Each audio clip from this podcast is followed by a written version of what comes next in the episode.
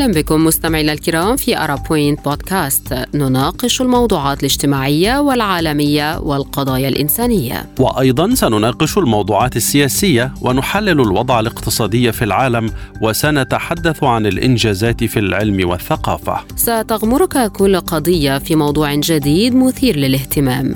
في الاستوديو معكم خالد عبد الجبار ونوران عطله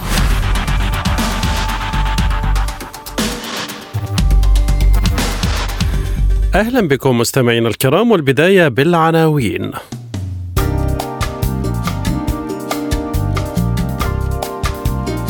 وزارة الخارجية العراقية تستدعي سفيرة في الأردن والسبب راغب علامة تعرف على التفاصيل.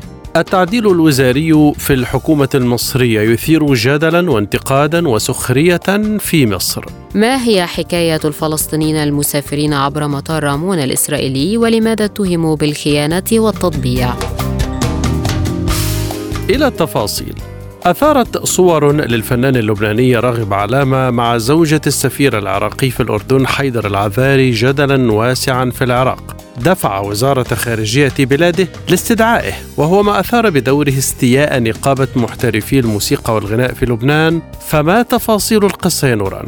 القصة يا خالد بدأت عندما نشر الفنان اللبناني راغب علامة هذا الأسبوع من تغريدة مصحوبة بصور أعرب فيها عن شكره للسفير العراقي في الأردن السيد حيدر منصور العذاري وزوجته السيدة ميسم ربيعي على هذه الاستضافة الكريمة والرائعة والممتعة نعم الصورة أثارت لغطا على مواقع التواصل وتسببت في حملة انتقادات موجهة إلى راغب علامة وسفير العراق في الأردن. مما دفع السفير إلى حذف حسابه عبر تويتر في حين اكتفى راغب علامة بتحويل حسابه ليصبح خاصا. واتهم ناشطون عبر مواقع التواصل الاجتماعي السفير العراقي بالإساءة للعراق وخرقه لبروتوكولات العمل الدبلوماسي وللأعراف الاجتماعية في البلاد. فكتب علي طائي بعيدا عن صور السفير العراقي بالأردن وحرمه المصون وسواء كانت بنظر البعض لائقة أو غير لائقة أو مقبولة أو ما عداها ولكن البروتوكول يحتم على أي مسؤول أو سفير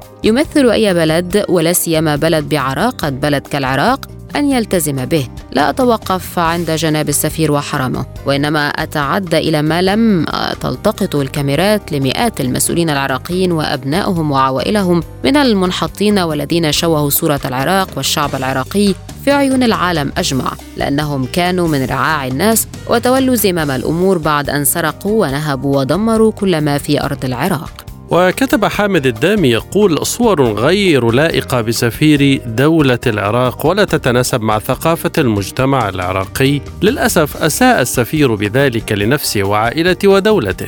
وكتب علي الجبري قضية السفير العراقي في الأردن أصبحت معروفة للجميع لذا أدعو جميع المغردين إلى حذف صورة السيدة وزوجته والاكتفاء بتوجيه النقد إليه باعتباره لم يلتزم بالأعراف الدبلوماسية. ليس من شيمنا ولا أخلاقنا التشهير بالنساء العراقيات مهما كان الخطأ. خاصة إذا كانت المرأة غير منخرطة بالسياسة. لكن الغريب يا نوران أنه في المقابل دافع آخرون عن السفير العراقي ومن بينهم النائب السابق مشعان الجبوري الذي كتب تغريدة يقول فيها حيدر العذاري واحد من أفضل سفراء العراق وأنجحهم وتميز بتفاعله مع قضايا الجالية العراقية في الدول التي عمل فيها ونشر صور خاصة لاستضافته فنانا مشهورا في بيته لا يستحق مثل هذه الضجة. لذلك أعتقد أن ردود الفعل الغاضبة تعبر عن حقد وكراهية الناس للنظام السياسي ولكل ما يرتبط به. وكتبت شهد علي هو شنو الجريمة اللي ارتكبها هذا السفير حتى يتعاقب؟ على فكرة مو شغلنا كشعب ولا كحكومة. ما هو تصرف آه، زوجة السفير؟ المهم هو عمل السفير. بصراحة هذا استشراف زايد من الحكومة والشعب. وفي تغريدة له قال المتحدث باسم وزارة الخارجية العراقية الدكتور أحمد الصحاف إن الخارجية تتابع باهتمام ما تم تداوله عبر مواقع التواصل الاجتماعي من صور تعنى بسفير جمهورية العراق في المملكة الأردنية الهاشمية. من جانبها أصدرت نقابة محترفي الموسيقى والغناء في لبنان بيانا استنكرت فيه استدعاء بغداد لسفيرها لدى الأردن قائلة إن نقابة محترف الموسيقى والغناء في لبنان تستنكر ما تعرض له الفنان الزميل راغب علامة وإنه لم يكن موجها للفنان المذكور فقط إنما موجه لكل فنان خاصة وأن الفن رسالة يحملها الفنان لكل الناس فإن الفنان ومن أي بلد كان يصول ويجول العالم ويمثل بلده خير تمثيل ويكون سفيرا له. انتشرت هاي الصور للسفير العراقي الدعوة تمام؟ هذا من جماعة المالكي. عفي عليك المالكي. هل بت جبت لنا واحد براسه حظ؟ المهم هذا من جماعة المالكي. من هو اللي يدير السفارة؟ أعطيكم المعلومات اللي ما انتشرت. من هو اللي يدير السفارة؟ ومنو جاب الدعوة شي هذا؟ خلاه سفير. هي مرته تمام؟ فلا تستغربون لما تشوفون مرت السفير بحضن راغب علامة. تمام؟ والوزير لازق. ادري أدري لازق شبيك مو هي النهار والليل يمك. شوية وخر. وخر. المهم فهنا هاي معلومة إنه هي اللي تدير السفارة وهي اللي خلته سفير.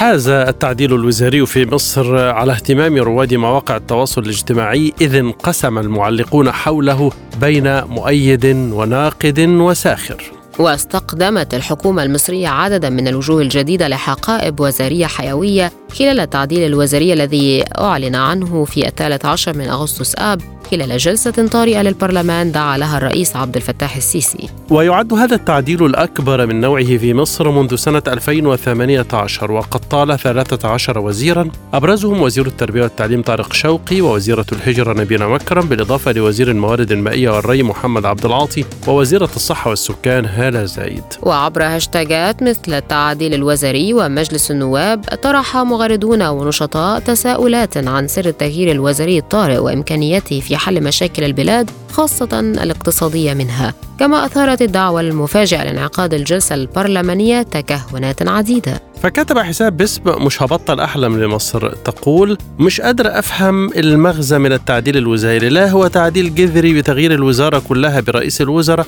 ولا هو تعديل سياسات اقتصادية بتغيير الحقائب الاقتصادية. وكتب باسل عادل يقول تعديل وزاري محبط للغاية وصيحة عالية بأنه محلك سر. في ظرف نود فيه التغيير لحل التعقيدات الاقتصادية ومن ثم الانطلاق من يبذل كل هذا المجهود لإحباطنا؟ وكتب حساب باسم فخر العرب التغيير الوزاري محبط جدا ومش مفهوم ليه مصطفى مدبولي لسه موجود؟ ليه سامح شكري لسه موجود؟ ليه أشرف صبحي لسه موجود؟ على الصعيد الآخر أعرب فريق من المغردين عن ثقته في التغييرات الوزارية التي وصفها بالنوعية والكافية مثل محمد عصام الذي كتب يقول التعديل الوزاري شمل تعديلات هامة في وزارات المجموعة الاقتصادية كانت في أشد الحاجة إليها. المصرفي أحمد عيسى لوزارة السياحة اختيار جيد لزيادة إيرادات القطاع. أحمد سمير للصناعة اختيار صائب لقربه من رجال الصناعة. في توقيت نحتاج لمسؤول على دراية بمشكلات تواجه المصنعين. لكن يا خالد يعني اللافت في ردود الأفعال حول التعديل الوزاري أنها كانت منصبة بشكل كبير على إعفاء وزير التعليم طارق شوقي الذي يعتبره بعض المصريين مسؤولا عن تراجع دور المؤسسة التعليمية وتدهور جودة المدارس العمومية. فكتب عمار علي حسن أسعدني رحيل طارق شوقي الوزير المغترب عن واقعنا. هذا العابر كانت بين مكتبه ومدرسة المنيرة الإعدادية 30 خطوة ولو زارها واستمع إلى المدرسين والتلاميذ لكفانا تجاربه الفاشلة. لكنه لم يفعل. بقي طوال الوقت يعيش في عالم افتراضي مليء بصور ورسوم بيانية ملونة يعرضها على مدارس متهالكة. لكن في المقابل يا نوران دافع البعض عن طارق شوقي وزير التعليم السابق حيث كتبت لميس الحديدي تقول أربعة وزراء كنت أتمنى استمرارهم لتميز أدائهم غير التقليدي. الدكتور طارق شوقي والدكتور خالد العناني والفريق منار عنبة والدكتورة إيناس عبد الدايم. في انتظار أن نعرف يوما ما معايير بقاء الوزراء أو استبعادهم. الأسبوع ده عندنا حدث قلب البلد. فجأة بدون أي مقدمات الشعب سمع عن تغيير وزاري. أكيد التغيير الوزاري ده حدث جلل. أنا بجد عندي فضول أعرف الكواليس بتاعته بتتم إزاي. طبعا امبارح بالليل الساعة سبعة ونص بدأوا يبعتوا تمانية للناس الورقة دي. على جروب السادة النواب. وصلت الرسالة دي لكل مجلس النواب. 600 نائب.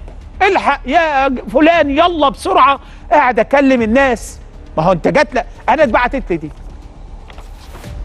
فين النواب؟ اللي في الساحل واللي في مارينا واللي قاعد في سيدي عبد الرحمن واللي قاعد سيدي حنيش واللي قاعد في مطروح واللي قاعد في شرم الشيخ. لكل ما أكلم أقول ده أنا بجهز شنطتي. وحد تاني يقول ده أنا على الطريق. حد تالت يقول لي تصدق أنا لسه واصل.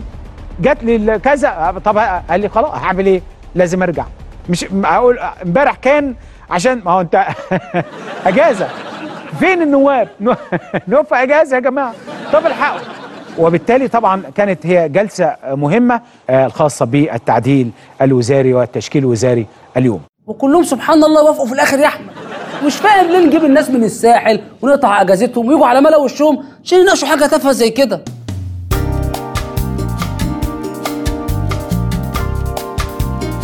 وختام هذه الحلقة من فلسطين المحتلة حيث أثارت أولى رحلة سفر لفلسطينيين عبر مطار رامون الإسرائيلي إلى قبرص انقساما وجدلا واسعين في كل من الأردن والأراضي الفلسطينية.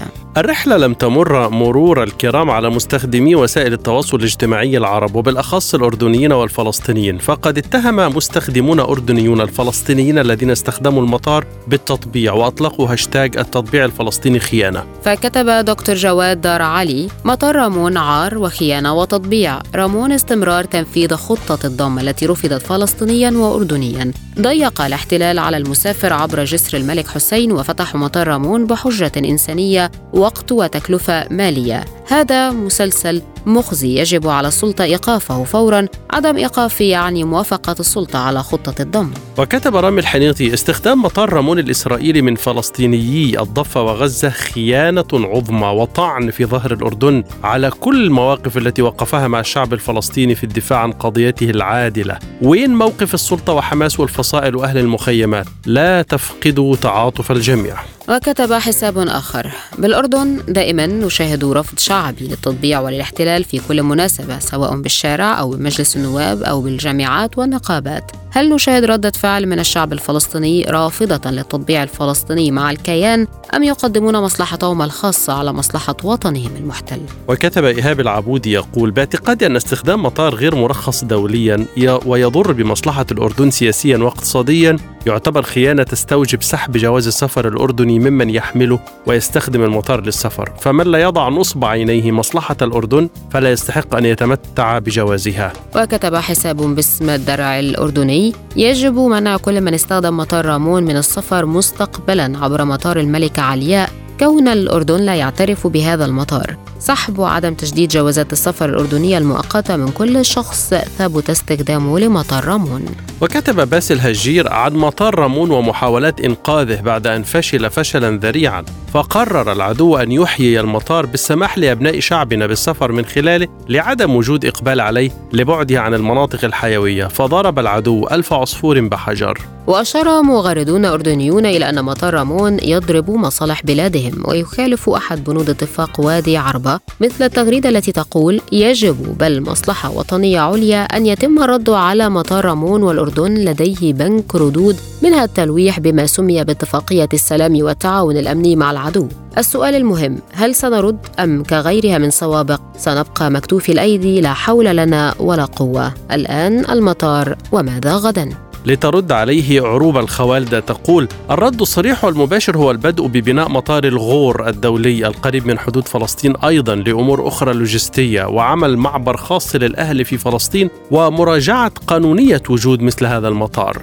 لكن يا خالد بعض الفلسطينيين كان لهم رأي آخر مثل أكرم الذي قال بدون زعل ولكن عن تجربة شخصية. البهدلة وعدم الاحترام للفلسطينيين من جهة وانعدام المهنية في العمل لا ضباط ولا أفراد وسوء الإدارة اللي على جسر الملك حسين بتخليك تفكر تروح مطار رامون. في بالنسبة لمطار رامون حيأثر علينا لأنه إحنا معظم خلينا نقول 50% فما فوق ركابنا من الضفة الغربية. هلا هم بيستخدموا مطاراتنا وبيستخدموا أعمالهم آه، جم يعني بدك تقولي فنادق بدك تقولي مطاعم شقق مفروشة سيارات تأجير سيارات مط... آه، سوبر ماركت تاكسي ما في المجتمع المحلي كله بيستفيد منهم. طبعا إحنا نسبة المكاتب اللي بتعاملوا معنا بالسوق الفلسطيني لا يقل عن 500 مكتب تعاملات يومية وحجوزات يومية بتصير عن طريق المكاتب بالسوق الفلسطيني دايركت من خلالنا. بصفة شغلنا إحنا بكون في عنا طيارات مستأجرة بيتم أخذها من خلال طبعا مكاتب بالأردن زملائنا وحبايبنا والسوق الفلسطيني كمان. هلأ السوق الفلسطيني يشكل زي ما حكيت لي 50% من هذا الموضوع. آه ببعثوا حجوزاتهم. طبعا إحنا بنسفر الناس تبعونهم آه عن طريق مطار الملكة علياء الدولي.